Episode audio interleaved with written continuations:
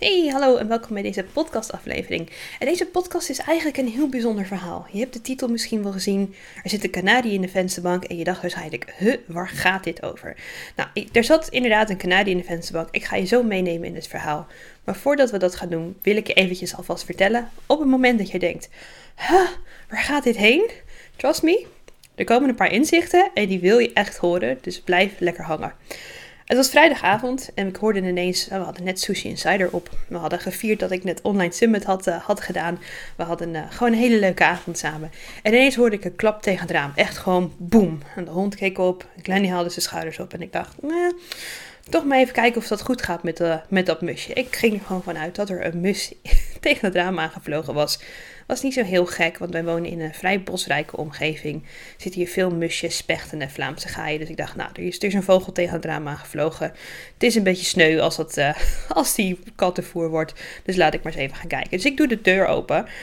En terwijl ik de deur open doe, sta ik daar in de deuropening en zie ik een knalgele kanarie op de, op de grijze container me echt aankijken. En ik dacht alleen maar, oké, oké.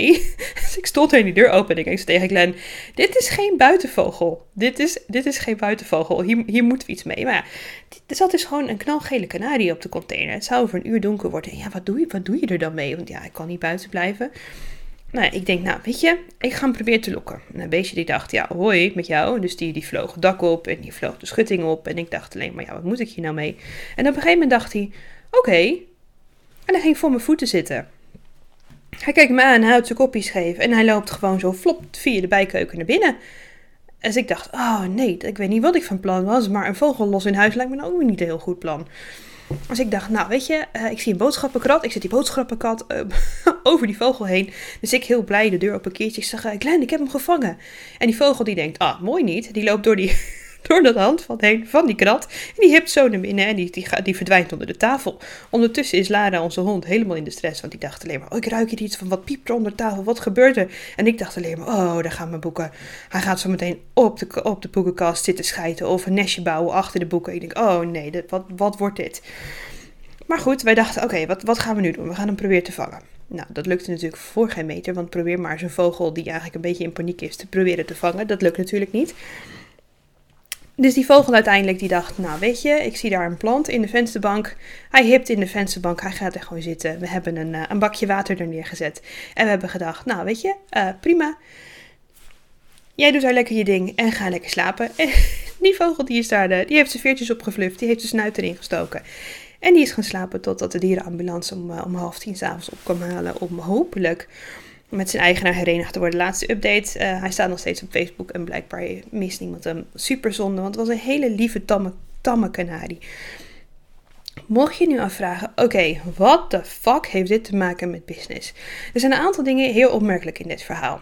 Ten eerste, het allereerste wat mij opviel en wat mij achteraf ook opviel, was de, de gelijk de aanname. Ik hoorde een klap tegen het raam en ik dacht, oh, het zal wel een mus zijn. Het zal wel niks wezen. Ik zal het wel niet kunnen vinden.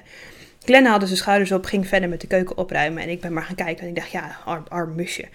Maar het bleek dus een gele kanarie te zijn. Het was helemaal geen mus. Dus als je dan gaat nadenken um, hoe je dat doet in je business, zie ik heel veel ondernemers dit ook doen. Oh, ja, maar ik kan niet schrijven. Ja, maar uh, dat is weer precies hetzelfde als de vorige klant. Uh, ja, maar als je voor een dubbeltje geboren bent, kan je, kan je nooit een kwartje worden. Wij doen aan de lopende band zo ontzettend veel aannames die eigenlijk niet waar zijn. En ik wil je uitdagen om eens even te gaan kijken. Hey, als jij kijkt naar, naar het maken van content, naar het krijgen van klanten, naar het, hoe je dingen in je business sowieso runt. Waar doe je aannames die eigenlijk gewoon helemaal niet kloppen? Die je eigenlijk zou mogen loslaten? Want er zijn dingen waarvan je denkt, nou weet je, dit gaat echt helemaal viraal. Dit is echt de beste content die ik gemaakt heb. En er gebeurt helemaal niks. Dan krijg je krekels. Maar het tegenovergestelde is ook waar. Het moment dat je denkt, nou oké, dit is gewoon zo flut, ik pleur het maar gewoon online en huh, dan staat er in ieder geval iets. Dan gaat het ineens viraal. Je, je, je moet dingen testen. Je moet niet zomaar aannames doen omdat je al een keertje iets gezien hebt, al eens een keertje iets gedaan hebt. Je moet echt gewoon elke keer als je denkt, hey, dat zal waarschijnlijk dit zijn, is dat dan echt waar? Ga, kan je dat gaan checken? En dat is, dat is het, het, belangrijkste. En dat kan je dus helemaal doortrekken in dus zoiets onbenulligs als een vogeltje helpen. Dat jij een aanname doet en dat je denkt, oké, ik ga even eerst checken of dit waar is. In mijn geval was het dus, ik denk dat het een mus is. Maar ik ga wel even kijken of dat ook echt zo is. Nou, dat was dus niet zo. Want ja, het het bleek dus een gele kanarie te zijn. Het andere, wat heel opvallend is, is dat ik wilde dat vogeltje meteen helpen. Ik dacht meteen, oké, ik moet hier iets mee. Uh, hij kan niet buiten blijven. Straks wordt hij opgegeten door een kat. Arm vogeltje. Glenn daarentegen, die dacht, die zei later ook, ik weet niet zo goed wat ik gedaan had. Want ja, wat kan ik hiermee? En als je dit ook weer doortrekt naar je business, is het van, hoe integer ben jij? Wie wil je zijn? Als jij zegt dat jij iemand bent die mensen wil helpen, dan kan je dat dus doortrekken in dit soort hele kleine dingen. In, ik zie een, hopeloos vogeltje, ik ga hem helpen. En nou zeg ik niet dat je elk vogeltje moet helpen. Misschien ben je allergisch voor vogeltjes, dat kan natuurlijk helemaal prima. Maar het is wel goed om te kijken naar, hey, wie, wie wil je zijn? En op welke vlakken kan je dat doortrekken? En als jij zegt dat jij aan de voorkant bepaalde afspraken maakt met jezelf, met klanten, en die kom je niet na, dan ben je niet wie je wilt zijn. Dan ben je niet integer. En voor mij was het heel duidelijk. Want ik ben iemand die mensen en dus ook vogeltjes en andere beestjes helpt. Ik ben degene die s ochtends vroeg, toen ik om zes uur in de auto zat, naar een evenement. En door ik een, een kat zie doodbloeden op straat, niet kon stoppen. Maar vervolgens wel al rijdend naar mijn partner bel en zegt: Gooi even in de buurt app van wie die kat is en bel de dierenambulance, want het arme beest ligt daar op straat. Dat is de persoon die ik wil zijn. En dat trek ik helemaal door tot in dit soort kleine dingen. En het gaat er uiteindelijk om. Wie wil je zijn? En dan handel je daarnaar. Voel jij je integer, voel jij je integer in alles wat je doet? En ja, dan kan je denken van oké, maar moet, moet, je, moet dat dan zo ver gaan? Ja, want het gaat uiteindelijk geen reet om wat je zegt. Het gaat erom wat je doet. En als jij aan de ene kant zegt, ik ben, uh, ik, ik ben gek op uh, de natuur en ik ga staan voor een duurzame wereld, maar dan in dat soort gevallen denkt, oh ja, vogeltje, nou weet je, we gooien hem gewoon naar buiten en een kat pakt hem wel, dan handel je niet integer naar wie je wilt zijn. En daar gaat het uiteindelijk om. En dat zijn de, de dingen die ik me realiseerde van een vogeltje in de vensterbank. Nou, die vogel die heeft daar heerlijk rustig liggen pitten. Die, af en toe deed hij een piepje, ging die, ging die zingen. En dan was Lara gelijk helemaal in de stress. En die dacht, wat gebeurt hier in huis? We hebben nog gedacht om hem te houden. Maar hij gaat nu waarschijnlijk naar een bejaardenhuis. En een, eh, een, oud uh, mensje heel erg blij maken. Dus dat, uh, dat is echt superleuk. Maar kijk eventjes zelf naar, hey, wie denk je dat je, wie, wie wil jij zijn? Hoe handel je daarnaar? En op welke manieren zou jij nog meer daarnaar kunnen handelen dan je op dit moment doet? En dat kan je dus ook echt gaan doortrekken naar, naar content, naar de content die je wilt delen. En nou, nou hoor ik je denken, je bent niet de enige. Oké, nou dat is leuk dat jij dit verhaal deelt, maar in mijn leven gebeurt geen reet. Uh, ik heb niet zulke spannende verhalen. Er zit bij mij geen vogel op de vensterbank op vrijdagavond. Er, um,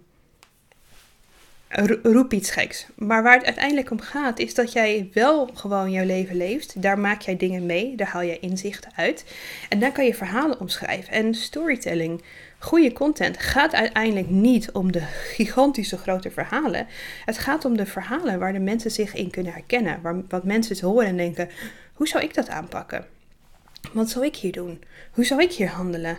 En staat hoe zij handelt, of hij, in lijn met waar ik voor sta? Want voor hetzelfde geld zitten hier mensen te luisteren die dachten: Oh, ik wil wel met die meid werken. En die horen hoe ik nu mijn vrijdagavond heb aan de kant gezet om een vogeltje te redden. En die denken: Ja, daar heb ik echt helemaal niks mee. Dat kan, dat is helemaal prima. Maar daar gaat goede content uiteindelijk over. En dit is dus ook voor mensen die zeggen: ja, maar ik kan het niet, ik weet het niet. En dat zijn dus die aannames die je doet. En als je wil dat we daar samen eens even naar gaan kijken, dan heb ik voor jou echt super tof aanbod. Helemaal gratis, dat is dan echt het allertofste eraan. Uh, je kan je namelijk aanmelden voor een gratis strategiegesprek. En de link vind je hieronder in de beschrijving. En wat we daarin gaan doen is dat we echt gaan kijken van... hé, hey, maar wie wil je nou zijn in je bedrijf? En waar loop je nou tegenaan? En welke belemmeringen heb je? Denk je bijvoorbeeld van, ik kan niet schrijven. Ik heb die verhalen niet. Um, mijn aanbod is er niet geschikt voor. Dat is ook een hele geen die ik heel veel voorbij zie komen. En dan gaan we samen eens even goed de diepte in zeggen van... Zijn die aannames die jij daar hier nu doet, is dat waar? En hoe kunnen we zorgen dat ze voor jou niet meer waar zijn? Dat je die aannames los kan laten. Dat je kan zeggen, nee, ik ga het gewoon proberen. Ik ga gewoon die content schrijven. Want ik weet 100% zeker dat jij kan schrijven. Dat jij goede verhalen hebt. Dat je kan leren schrijven. En dat jij content kan produceren waarvan jouw klanten denken: wow, die moet ik hebben. Nou, als jij daar klaar voor bent, als jij denkt dat wil ik doen, Maak je dan hieronder in de link in de, eh, in de beschrijving aan voor dat gratis strategiegesprek. Hij is helemaal gratis. Ik uh, verloot er eentje op de eerste en de vijftiende van de maand. En dan hoop ik je heel snel te spreken. En ik kan echt niet wachten om samen aan de slag te gaan. En uh, nogmaals, bedenk wie jij wilt zijn. Bedenk waar je, of je daar naar handelt. En bedenk dat bij elke handeling in je leven. Zo van, ben ik nu integer aan wie ik wil zijn? En als je maar lang genoeg bent wie je wilt zijn en daarnaar handelt, dan weet ik 100% zeker dat je business, je content, je verhalen, je klanten, dat je precies die aantrekt die je wilt aantrekken.